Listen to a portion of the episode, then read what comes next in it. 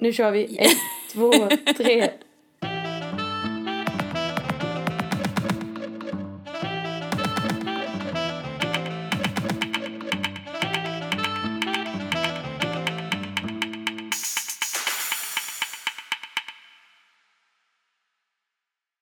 Hallå! Hej, hej! Välkomna Välkomna, tillbaka! välkomna. Ikväll är vi riktigt taggade på att få diskutera det här målet. Och vilket mål är det? Det är mål 16 som heter Fredliga och inkluderande samhällen. Yes.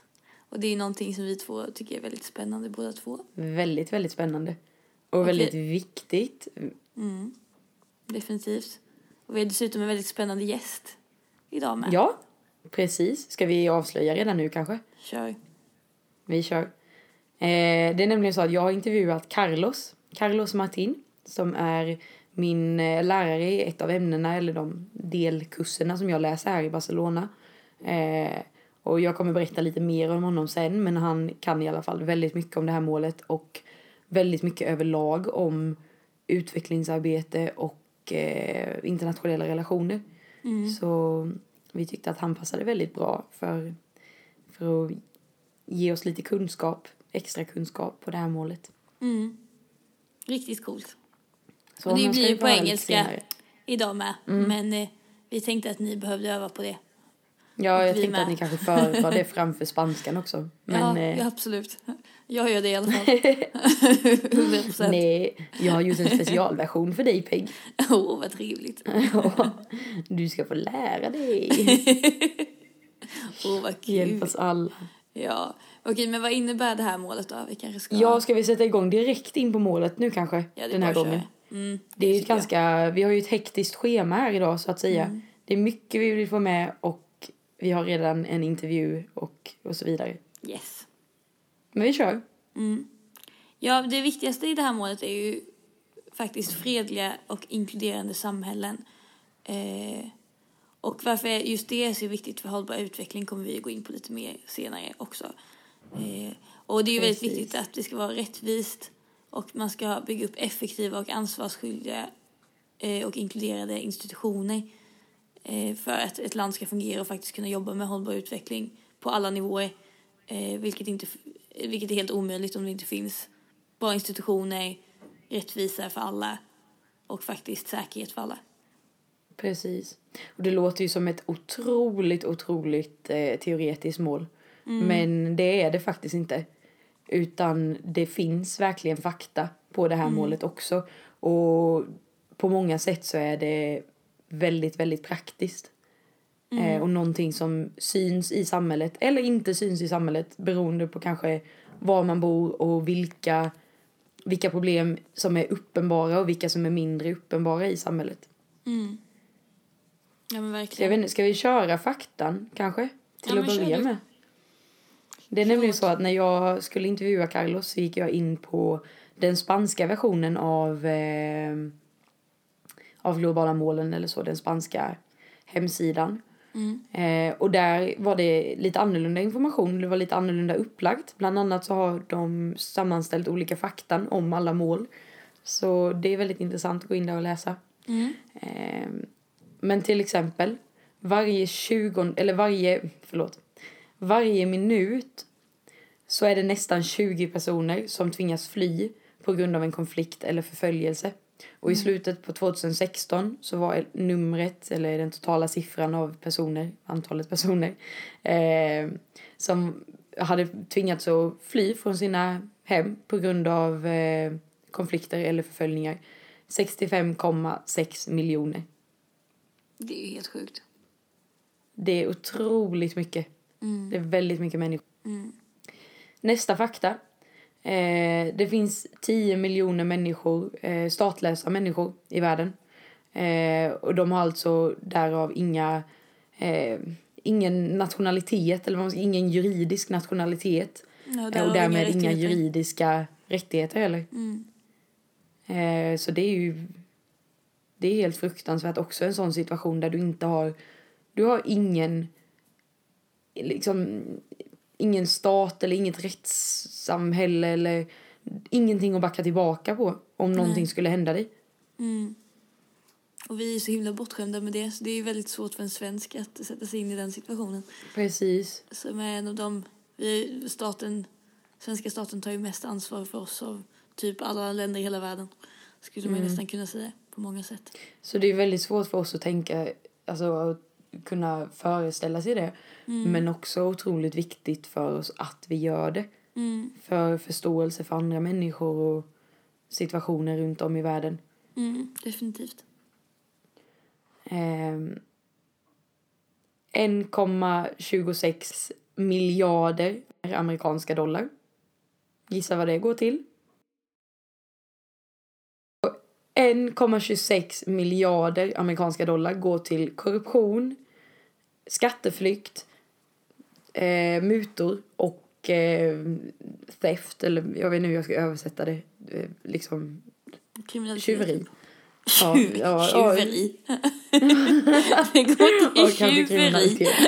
eh, det är så mycket som går till de här olika sakerna eh, i dessutom utvecklingsländer varje år. Mm. Och det är bara i utvecklingsländer. Det är ju väldigt mycket pengar. Det är otroligt mycket pengar. Ja. Och det här tror jag vi kommer att prata om lite mer sen också. Men enligt, en, eh, enligt fakta från Transparency International så är det också som så att de här pengarna som skickas från utvecklingsländer eh, genom korruption och andra medel kommer tillbaka till västländer. Så att det är inte så att de stannar där och kanske typ kan bidra till ekonomin eller samhället på något sätt i landet. Utan det skickas till många gånger Storbritannien, USA, andra länder i västvärlden. Det är ju därför till exempel banker har så, ehm, så många frågor. Mm. Kundkännedomsfrågor och så vidare för att kunna hitta ehm, olika typer av till exempel skatteflykt eller korruption Ja. eller liknande tänka sig att mycket av de pengarna kanske är skatteparadis också. Som inte Ja, ställer men lika verkligen. mycket frågor. Som till Verkligen. exempel svenska banker gör. Precis, och det är därför de svenska bankerna måste ställa frågor för att Mm. det kan ju vara att de skickas från svensk bank till eh, panamansk bank till svensk bank. Mm. Har du någon mer fakta att kasta på mig? Mm. 603 miljoner kvinnor eh, bor i länder där eh, våld i hemmet inte ses som ett, eh, ett brott. 603 miljoner kvinnor. Det är, hur många gånger Sverige blir det? Det blir ett x antal gånger. Räknar vi lite krasst på att Sveriges befolkning är eh, 10 miljoner så blir ju det här då 60 Sverige ungefär. Så i 60 olika Sverige runt om i världen så är det inte ett brott att eh, på något sätt våldföra sig på kvinnor i hemmet. Det är helt sjukt. Och på tal om kvinnor så i 46 länder, i endast 46 länder, så har kvinnor idag mer än 30 procent av eh, sätena i åtminstone en, alltså åtminstone en, inte nödvändigtvis två om man har två kammarsystem, kammare i parlamentet. Inte heller mycket med tanke på att kvinnor representerar ungefär 50 procent av världens befolkning. Ja, jo. Allt, alla kan inte vara Rwanda. Tyvärr. Nej, exakt. Nej, Nej, men det var väldigt... Eh, det, man fattar ändå lite mer när man får lite statistik ofta. Det kan ändå hjälpa en. Lite för att förstå vad det handlar om. Men Peg, institutioner då? Vad är institutioner? Oj. Och hur fungerar de? Istället- Statsvetaren. Sätt Ja, igång. nu, jag känner pressen där. Definition av institution. Oj, oj, oj. Jag läser faktiskt nationalekonomi nu. Jag, vet Jag tror på dig. Eh, Ja, så du har glömt statsvetenskapen? okej. Ja, jag har glömt allting. Nej, men om man... Alltså en välfungerande statsförvaltning innehåller ju väldigt många delar för att en stat ska fungera på ett bra sätt. Eh, och ansvarsfulla institutioner är väl, kan man väl säga, institutioner, myndigheter, eh, riksdag, regering i Sveriges fall till exempel, som faktiskt inte har korruption, eh, som eh, är transparenta, vilket innebär att man kan följa deras till exempel när de gör sin budget, att man kan följa budgeten hela vägen. Att man kan se att inga pengar försvinner på vägen, att de faktiskt Mm. skriver ner och har dokumentation på allting de gör hela tiden. Att man också ska Eh. kunna följa alla beslut eller? Ja, det precis. Man, man ska se att, ja absolut, att man ska se att det är demokratiskt hela vägen igenom. Och att det faktiskt är det som bestäms, är det som görs. Eh, det är ju en ganska lång väg från det att vi röstar till att ett beslut faktiskt tas och implementeras i olika myndigheter och kommuner och liknande. Eh, så det är väldigt viktigt med transparens där för att det ska faktiskt ska fungera. Eh, och fungerar inte det här så är det ju väldigt stor chans att kanske till exempel befolkningen slutar lita på sin stat eller på sitt land. Eh, och då ökar ju till exempel den svarta marknaden och man får andra problem. Eh, så att, eh, att man har en stat man kan lita på och faktiskt känner Mm. fungerar för sin befolkning är ju väldigt fundamentalt för att det ska, ett land ska fungera. Verkligen. Och trots det politiska kaoset som kanske ja, råder i Sverige just nu så kan vi ju ändå göra det. Vi är väl Ja, ändå och- några av de länderna som verkligen liksom där man har en ganska hög tilltro till staten Ja, och, till skillnad från i många andra länder. verkligen. Och anledningen till att det fungerar så bra som det faktiskt gör just nu, även fast vi inte har en regering, är ju för att eh, vi har ansvarsfulla institutioner som fungerar även utan ledning. Eh, Precis. Även utan den politiska ledningen då, utan vi faktiskt... De vet vad de ska göra, tjänstemännen. Mm. Och de Bara om man jämför med till exempel Spanien så ser man här det politiska klimatet som Mm. topp. Jag tror antingen det beror på lite vilka mätningar man kollar på men definitivt topp fem problemen i samhället. Mm. Och därav även eh, korruption. Mm. Så det är ju väldigt annorlunda mot hur man, om man till exempel skulle fråga, göra en sån undersökning i Sverige så skulle det nog visa ganska annorlunda. Ja, definitivt. För här är det verkligen det, den har legat länge också i Spanien. Eh, Den frågan om just politik och korruption. Eh, som en av, en, ett av de största problemen i samhället. Mm. Och ja, till exempel så blev ju Spaniens eh, tidigare president Mariano Rajoy avsatt i, eh, i slutet på maj i år. På grund av korruptionsbrott som sedan kom fram. Mm. Ja, men det är ju... Så man behöver inte åka väldigt- långt iväg Nej. eller så. Nej, och det finns ju såklart korruption överallt. Sen är ju frågan graden av korruption och hur mycket det faktiskt gör att befolkningen slutar lita på sin stat. Som är det Precis. största problemet. Ska vi ta lite korruption nu när vi ändå är här? Ja, Ehm, absolut. vi har ju pratat om CPI innan. Corruptions Perceptions Index. Mm. Eh, där ligger Sverige högt. Eh, en av de allra högsta faktiskt. Mm. Om man jämför med många andra länder. Alla andra länder rättare sagt. Eh, Så den kanske vi kan hoppa över. Mm. Eh, men när jag var i Bonn så var jag på ett seminarium som handlade om just korruption. Som anordnades av bland annat Transparency International som är en organisation eh, som grundades för att bekämpa korruption i hela världen och därmed också i västländer. Ja, absolut. Där också, som vi sa innan, den stora delen av korruptionen faktiskt äger rum. Mm. Eller det är dit resurserna flyttas. Mm. För resurserna stannar inte i länder, om, om det till exempel är utländer där, som korruptionen äger rum i. Den stannar inte där utan den flyttas, tvättas och sen hamnar i en bra fastighet i London eller eh, i form av en tio snygga bilar i Tyskland eller liknande. Mm. Eh, och det är ju ett otroligt stort problem. Ja, verkligen. Eh, här pratade vi även om situationen i Ghana för kvinnor till exempel. Att eh, till exempel med eh, land, eh, landhållning eller vad man ska kalla det, ägande av land. Eh, så har lagarna ändrat sig så att man ska få, kvinnor ska få äga land. Men de får inte det. Och du blir av med eh, ditt land eller liksom din egendom om din man dör. Eh, ja, om du inte gifter dig med din makes bror, sägs det här från eh, Ghana Integrity In-. Initiative. Så det är ju det är en helt absurd situation. Mm. Ehm, Och det här att, att kvinnor inte har tillgång till land, det på, alltså eftersom, efter att eh, deras makar dör, det påverkar såklart deras ekonomi, deras barns möjlighet att gå i skolan och även möjligheten att upp, uppnå några av eh, globala målen. Mm. Det här berättade även Carlos om att eh, lite efter att vi hade gjort färdigt intervjun så fortsatte vi prata. Eh, Och då berättade han att i många länder där det, där det har blivit lagligt för kvinnor att äga land, där det inte har varit det tidigare, till exempel många länder i Latinamerika, så är det idag ett stort problem att kvinnor på grund av att man vidtar olika åtgärder när man ser att en kvinna antagligen kommer få ärva landet. Eh, så blir, det, blir resultatet att kvinnor äger de mindre jordplättarna. De som försörjer den närmsta familjen och eventuellt går och säljer vidare lite grann av.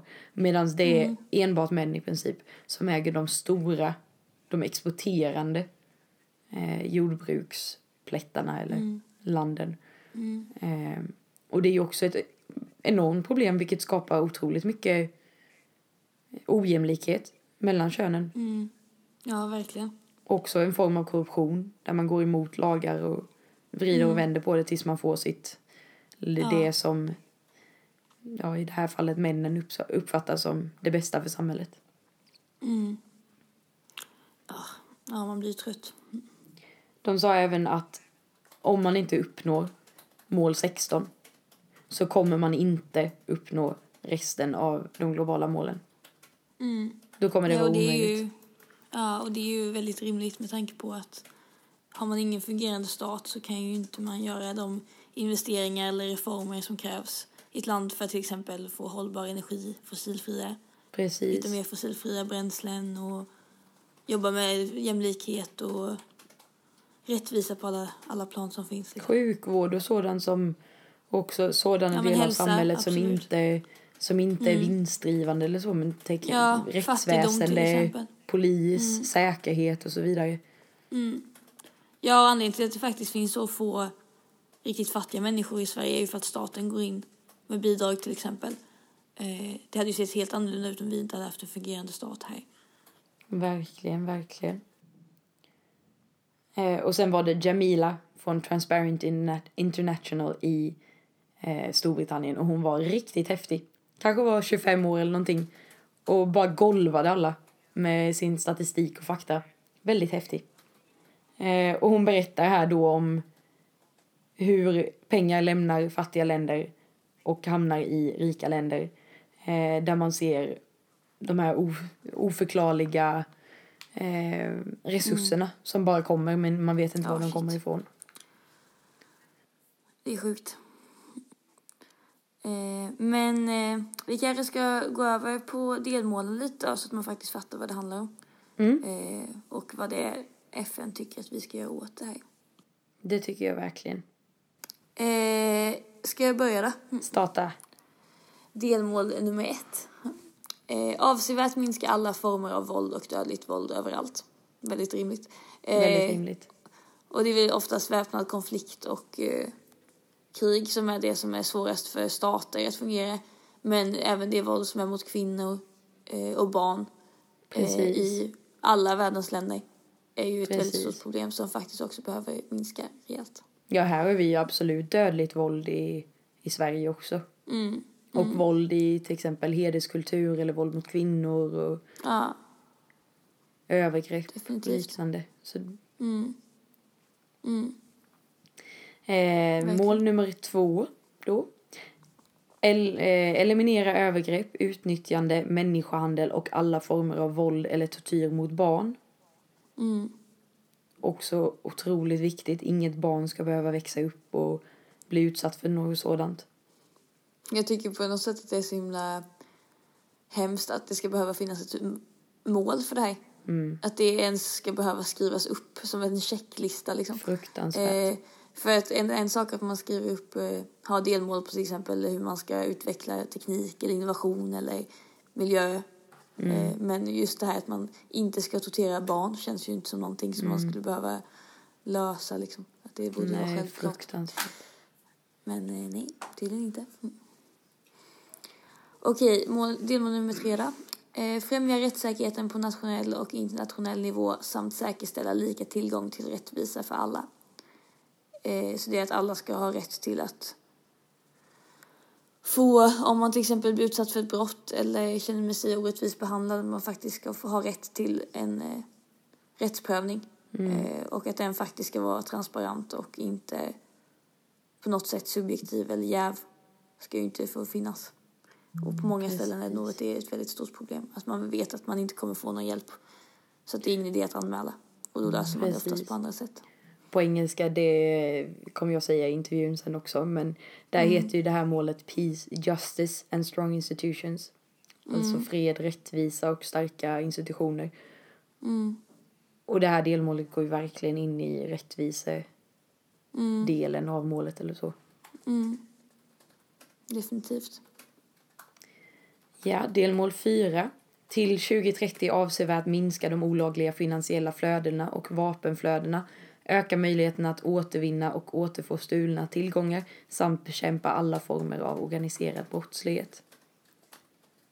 Så det är ju också lite det vi har pratat om innan, men här kommer också till exempel organiserad brottslighet in. Ja, mycket exempel. Det är ju ett av de, och jag vet inte om ni har hört talas om, antagligen, eh, om de stora flyktingströmmarna i Centralamerika nu, under de senaste dagarna. Det är tusentals människor som flyr från framförallt Honduras mot eh, USA för att starta ett nytt liv där och skaffa arbete i amerikanska nationen, hjälp. Förenta nationerna. Amerikanska nationen. Nej, men oj, okej. Ja, i USA. Och en av de största anledningarna till att de flyr, delvis är det hungern, men hungern beror också till stor del på den organiserade brottsligheten i Honduras.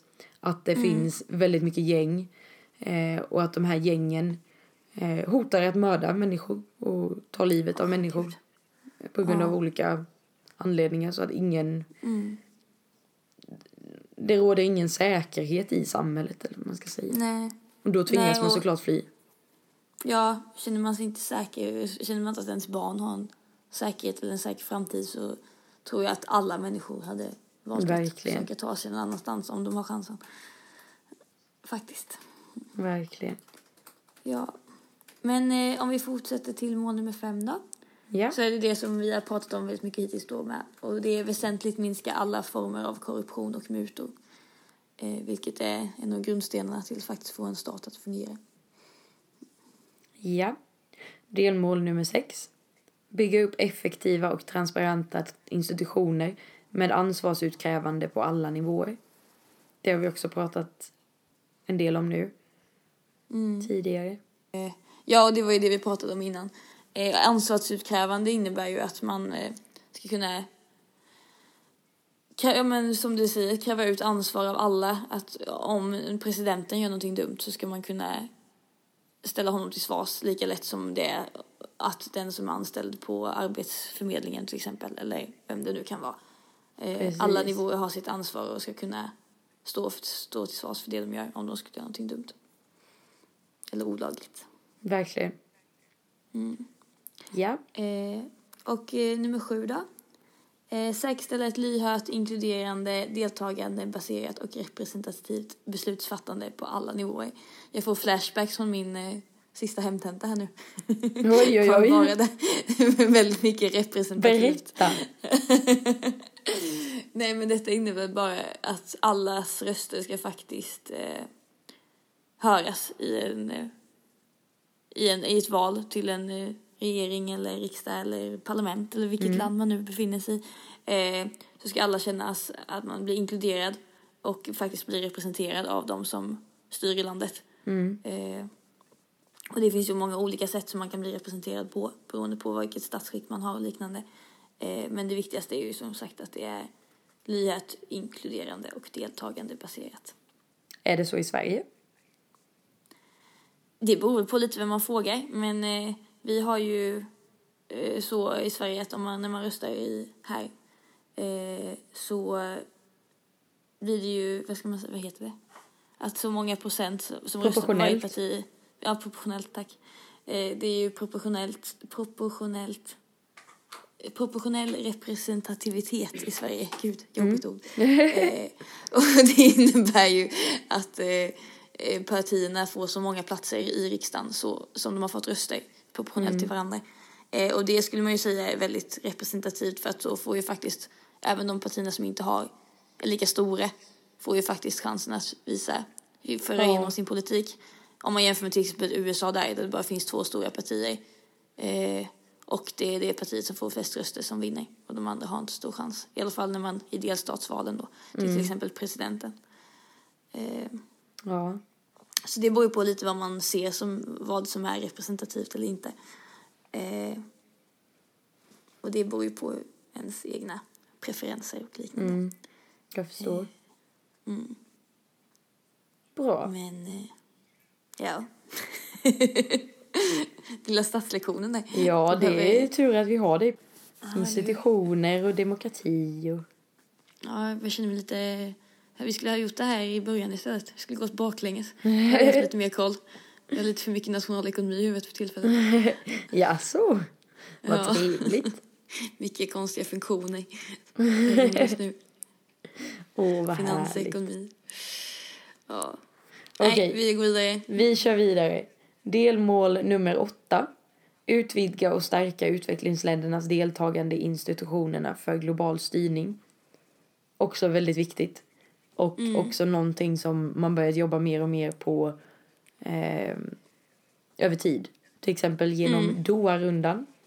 Det var WTOs runda då man bestämde att även länder som ja, på den tiden eller idag också såg som utvecklingsländer skulle få delta i debatterna och besluten i WTO, alltså Världshandelsorganisationen. Eh, vilket är helt rimligt, men innan så Ja. hade man exkluderat majoriteten av, då Ja. på den tiden, majoriteten Och det är väl också länder. någonting som FN har fått kritik för eftersom att det inte är något utvecklingsland som faktiskt sitter i säkerhetsrådet och har vetorätt. Eh, Ja, som har vetorätt. mm. eh, och någonting som FN jobbar ganska mycket med och diskuterar och sådär. Hur man ska få det Ja. så rättvist som möjligt. Nu kör vi vidare. Nummer nio. Mm.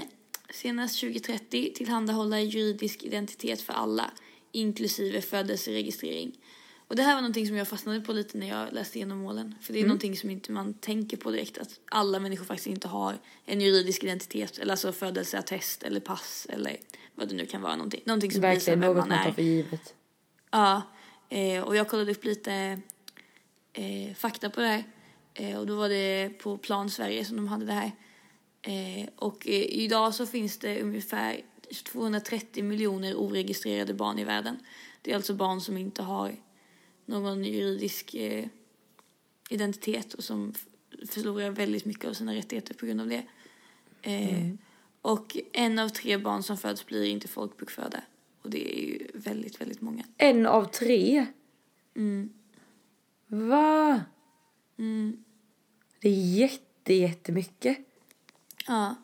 Och det stod även att 100 utvecklingsländer saknar effektiva folkbokföringssystem. 100 är väldigt många. Ja, Eh, och det och det skapar ju betyder att... enorma problem. Ja. Bara man tänker många- efter med till exempel ju- sjukvård, rättssystem, Ja. Mm. allt sånt. Även till exempel ta lån, skaffa bankkort. Ibland ens mobilkort och liknande behöver man ju ett ID för. Mm. Ja, det är ju många länder som inte vet hur många invånare de har. För att de Nej, inte har något det, ja. effektivt bokföringssystem. Och det är ju väldigt svårt att, ja men vid olyckor och katastrofer och sånt här med, man har ju Ja. ingen koll på. Och det är väldigt lätt att försvinna och är många sådana problem Jag tänker ju. människohandel och sånt också Ja, borde ju precis. underlättas Människohandel, på grund av det. Barnsoldater och liknande eh, blir ju väldigt mycket enklare om man inte existerar juridiskt. Så Ja. om man försvinner så är det ju faktiskt ingen stat eller myndighet som märker det. Nej. Utan bara de nära och kära och får- inte de hjälp någonstans Oj, vad otäckt. finns det ju inte så mycket att göra. Det är väldigt, eh, väldigt läskigt och någonting man verkligen inte alls tänker på. Som Nej, ett av de största problemen men det är ju någonting som verkligen behövs. Självklart. Mm. Ja, oj. Ja, men vi går vidare. Mm. Delmål nummer 10. säkerställa allmän tillgång till information och skydda grundlä grundläggande friheter i enlighet med nationell lagstiftning och internationella avtal.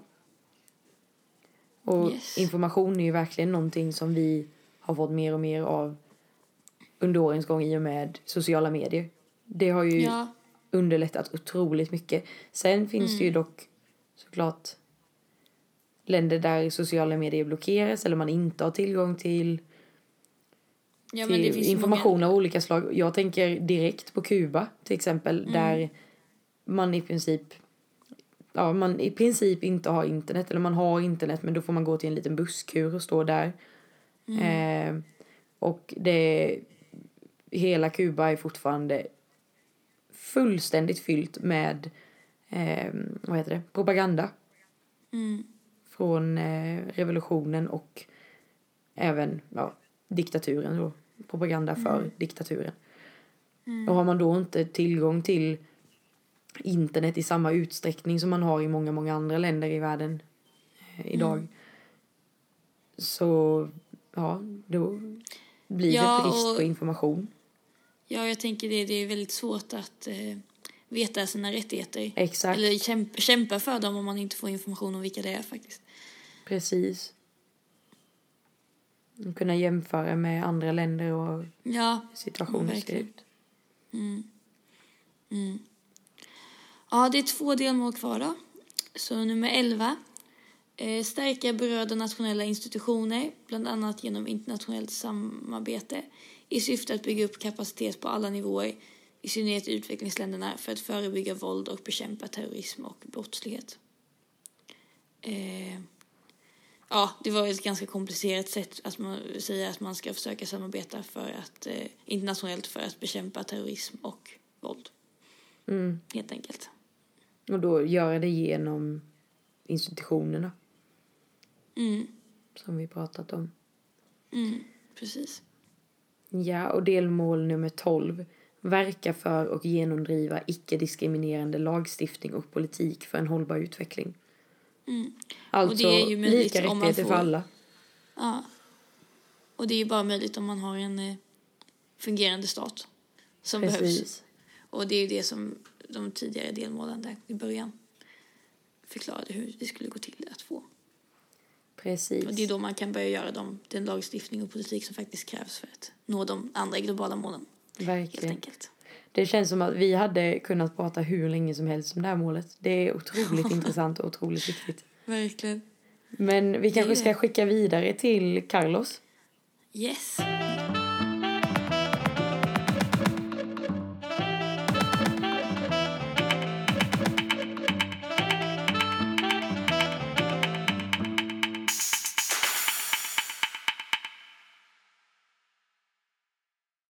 Back to the episode about the 16th Sustainable Development Goal, which is peace, justice, and strong ins- institutions in English.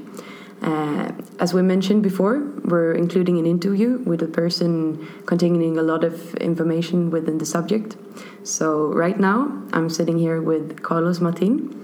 Uh, who's my professor in the subject Spanish history, politics, and culture, uh, but also a professor in international relations. So thank you very much for joining us today and sharing your knowledge, Carlos. Thank you. Um, would you please like to start by telling us about a little bit about yourself? Sure. I I teach international relations, like you said, and I train in um, politics. So I come from that background, and then I specialize in within international relations in conflict resolution or issues related to to conflict.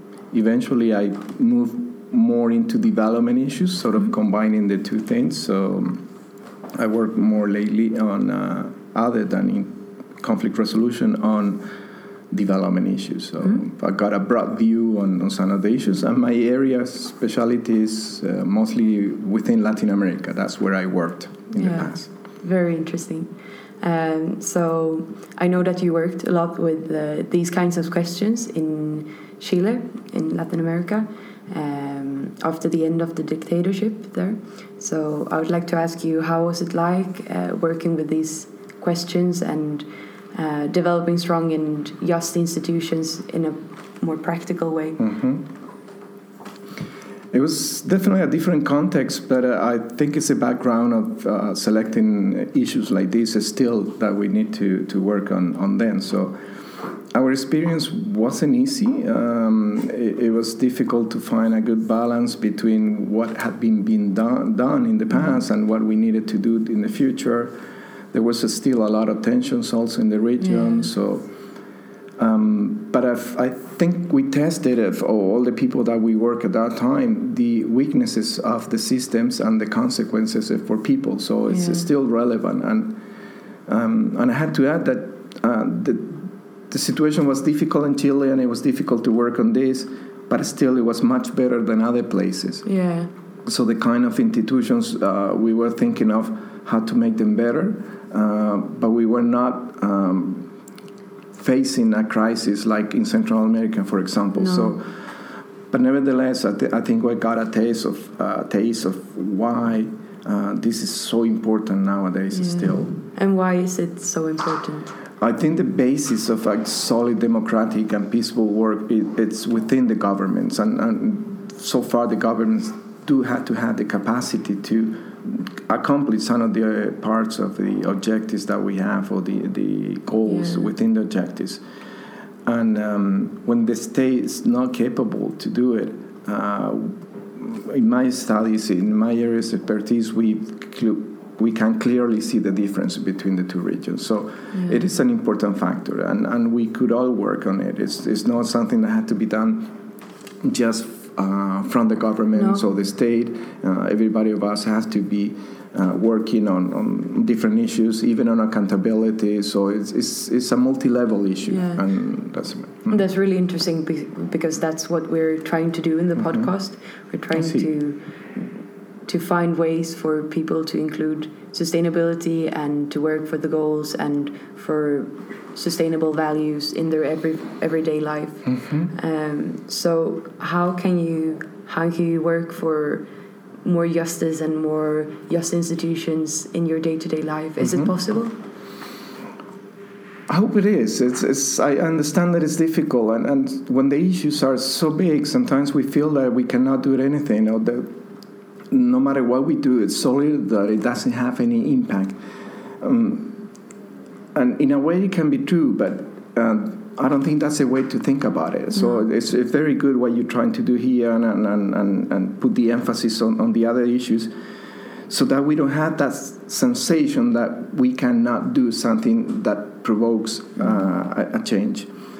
So, yes, maybe we had to start step by step around mm-hmm. ourselves, around our own lives, and, and how we think about our values. Um, this a classical example of this is, for example, Gandhi and, and, mm-hmm. and all the philosophy. So um, that's something that we, we should all, you know, at least read about it and think about it and, and, and see what ways we could explore changing our own lives and, and the way we decide things and the way we work with others. So it's, it's a change within us, it's a change then later on the relationships that we have with the people close to us and then eventually we could work more on other issues.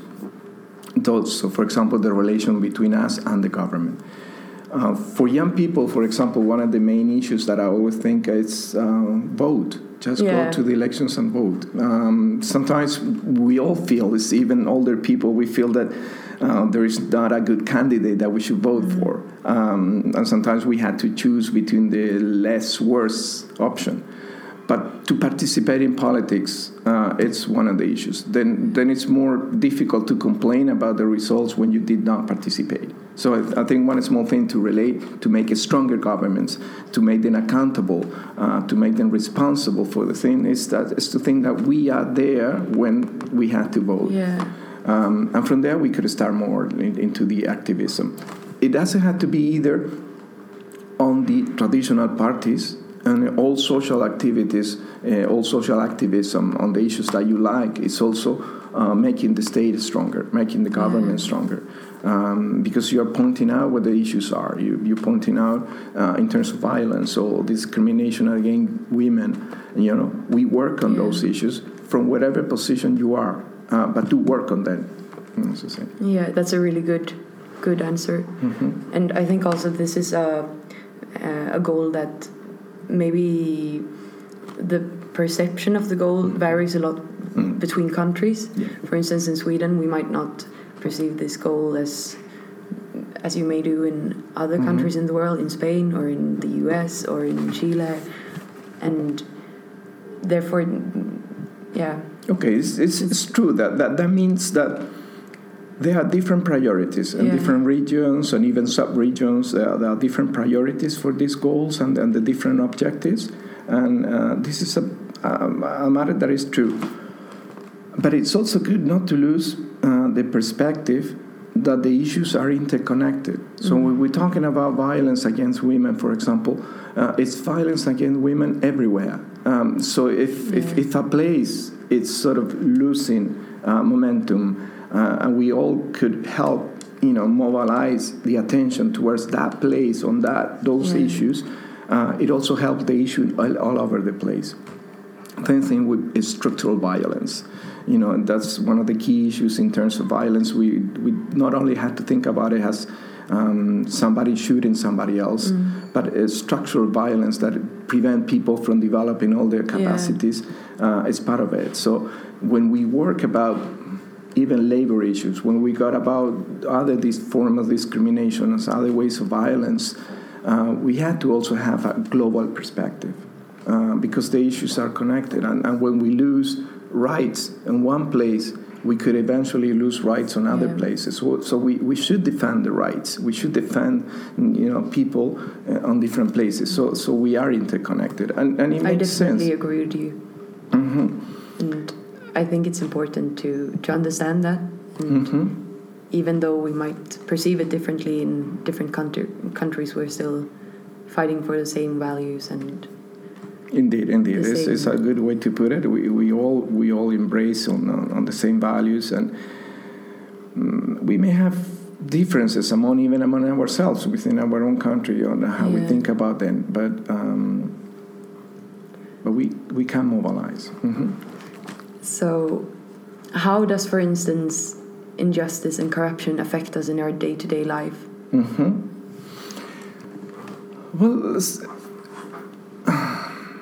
for example, access to justice. Um, it's, it's, it's a matter um, that in some countries, even some countries in Europe, like Spain, for example, where we, we take in this course, um, it's more difficult than in the past. Um, the crisis had an effect on people uh, going to the tribunals to demand mm, simple things, like, for example, when they were fired uh, unjustly, and you know the amount of money that they could get yeah after having the judge made it not reasonable for them to ask for their rights. So they actually ro- lost their rights. So um, examples like that, when people cannot demand and cannot have free access to the justice to demand their rights, makes it unequal between people that have the economic power and people that don't have the economic power. So inequality is, is one of the arguments for, for the justice. Um, we were recently uh, in Spain also discussing an issue uh, about taxes when people buy houses between um, a conflict between banks and the people. Um, this is another way how, for the perception of people at least, the justice system sided with the banks instead of siding with the people. And so people rightfully thought, well, maybe the banks have a lot of influence over the judicial system because they got a lot of power and, and we don't have power. So when people have that perception, it's when we lose in uh, justice Yeah. or social justice. so it it really connects with other goals as well Yes. within the the agenda 2030 for instance we've talked about gender gender inequality um, inequality among people in an economical from an ec- economical perspective Mm-hmm. um, so it's it's really interesting to see how how all the goals connect as well Indeed, indeed. I, I think it's the concept of development that we worked, and so we, for practical terms, it had been divided on, on issues so that we could see also the progress that we're making on different places, or where do we have to work more. Uh, but indeed, it's just one big goal. It's one Yeah. one concept. So, what do you think will be the biggest challenge for this for this goal in order to actually be be implement, implemented in 2030? Do you think it's possible even? Okay, I've, I, I don't think I've got enough um, predicting powers. Uh, to- to see- it's a so difficult question. It's yeah, it's it's, al- it's always the the the issue that uh, political scientists are faced, you know, between uh, seeing the uh, the trajectory of things and trying to, to guess what the future is. Um, I'm not very optimistic about the total result uh, in terms of reaching the actual uh, indicators. But on the other hand, I'm very optimistic because the process is a good result. Um, the same thing happened with the uh, Millennium Yeah, the Goals. Millennium Goals. So the fact that we have objectives and that we gather the interests of people and that then younger people got mobilized thinking about it like you're doing now that's the that's a major goal that had been already achieved uh, so I, I think it's having a goal and not reaching it totally is not a disaster either. Um, so, so we had to see what we could do. Um, then again, we had to mobilize more people. More people had to get involved uh, to do it.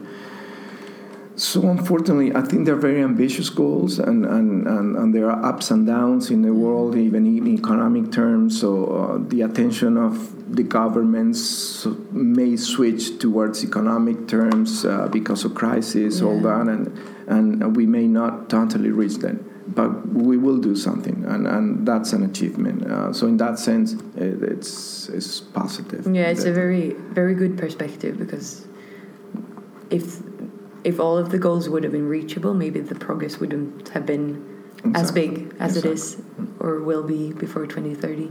Mhm. Um, Yes, indeed. That's it. yeah. So, lastly, Mhm. um, I know that we have a lot of listeners who, in one way or another, want to change the world, and um, and maybe even work for this particular goal. So, for someone aspiring to work with questions concerning this goal in the future, what are your recommendations? I think nowadays the main challenge for all of us, especially for young people, is to get proper information. So I think my first recommendation would be to get involved, read about it, ask others, you know, um, listen to, to all the kind of Listen to our information that exactly. For example, didn't want to do publicity, but and that's the main objective. So I think that's what I think your initiative is so good also um, because it, it, information is difficult to really um, get uh, out of. We have so much information that at the end it's Yeah. difficult to get. We we don't have the time. We think that we don't have the time. We think that we can't select the proper information.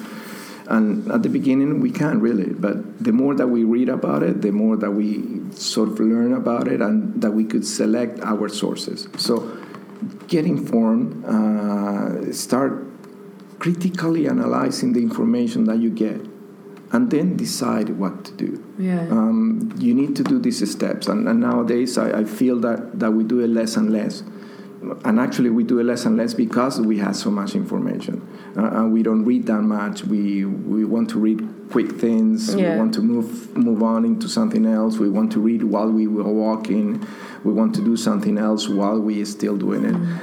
Mm, so I think it's if, if these goals are important to you, if, if you feel that uh, they are relevant, then uh, get informed, uh, and then then I'm sure you, you will see how you feel more comfortable to act. Sometimes it's very locally, sometimes it's in your community, others is within an issue. You know, the goal is it's, it's broad enough so that you could pick what issues you like and work on those. Uh, and if you can, work with others. It's a really good good recommendation. I'm sorry it's so general, but still, I think it's a good first step that Yeah. nowadays it needs to be taken. Definitely. So that was the questions that we had. Um, but thank you very much for your interesting and inspiring input to our podcast. My pleasure. Thank you. Thank you.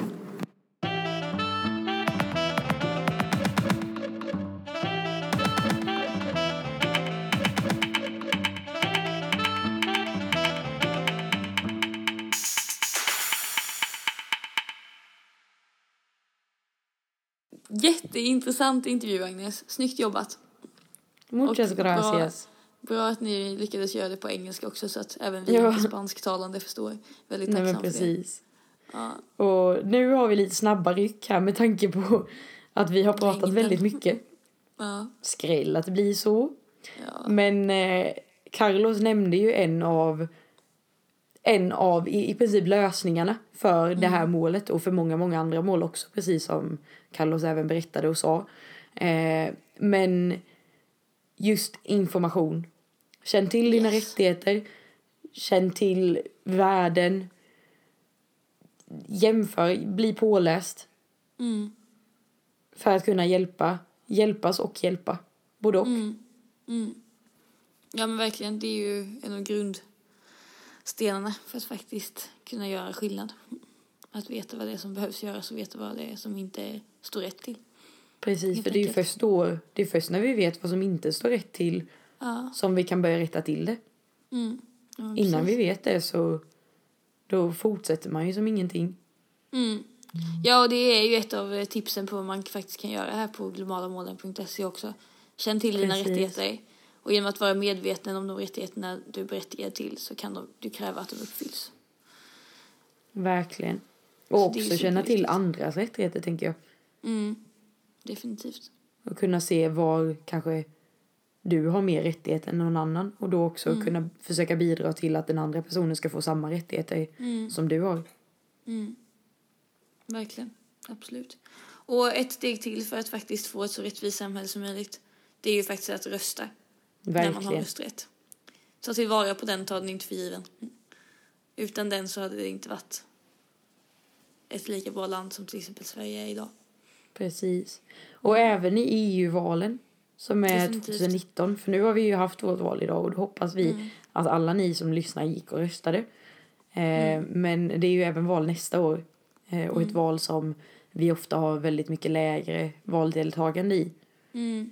Så därav gäller det att gå och rösta även där eftersom att den politiken påverkar Sverige Minst på lika mycket, väl-. Exakt, jag skulle absolut säga minst lika mycket som Mm. den inhemska politiken. Mm. Och blir allt viktigare. Så Och där får vi eh, också chans att påverka andra länders politik. Vilket Mm. också är väldigt viktigt. Mm. Verkligen. Precis. Mm. Och de sista grejerna som står här som faktiskt är viktigt att göra är, är att uppmana sin kommun eller sin skola eller vad det nu kan vara, sin arbetsplats, Arbetsplats. att faktiskt ja, att inkludera alla och att allting ska vara så rättvist som möjligt. Precis. Det är Ja, viktigt vad att våga säga till. Ja, verkligen våga säga till. Civilkurage. Mm. Precis. Det var väl Men då har vi som jobbat tips. igenom det här Tips. målet då. då. Ja. Duktiga vi är. Näst sista Jajamän. målet, bara ett kvar. Näst sista. Tiden går fort när man har roligt. Du. Väldigt fort. Men jag är dock jag är väldigt taggad på när vi ska få spela in tillsammans i jul. Ja, det ska bli För det skönt. förutsätter jag att vi ska göra ett par avsnitt i alla fall.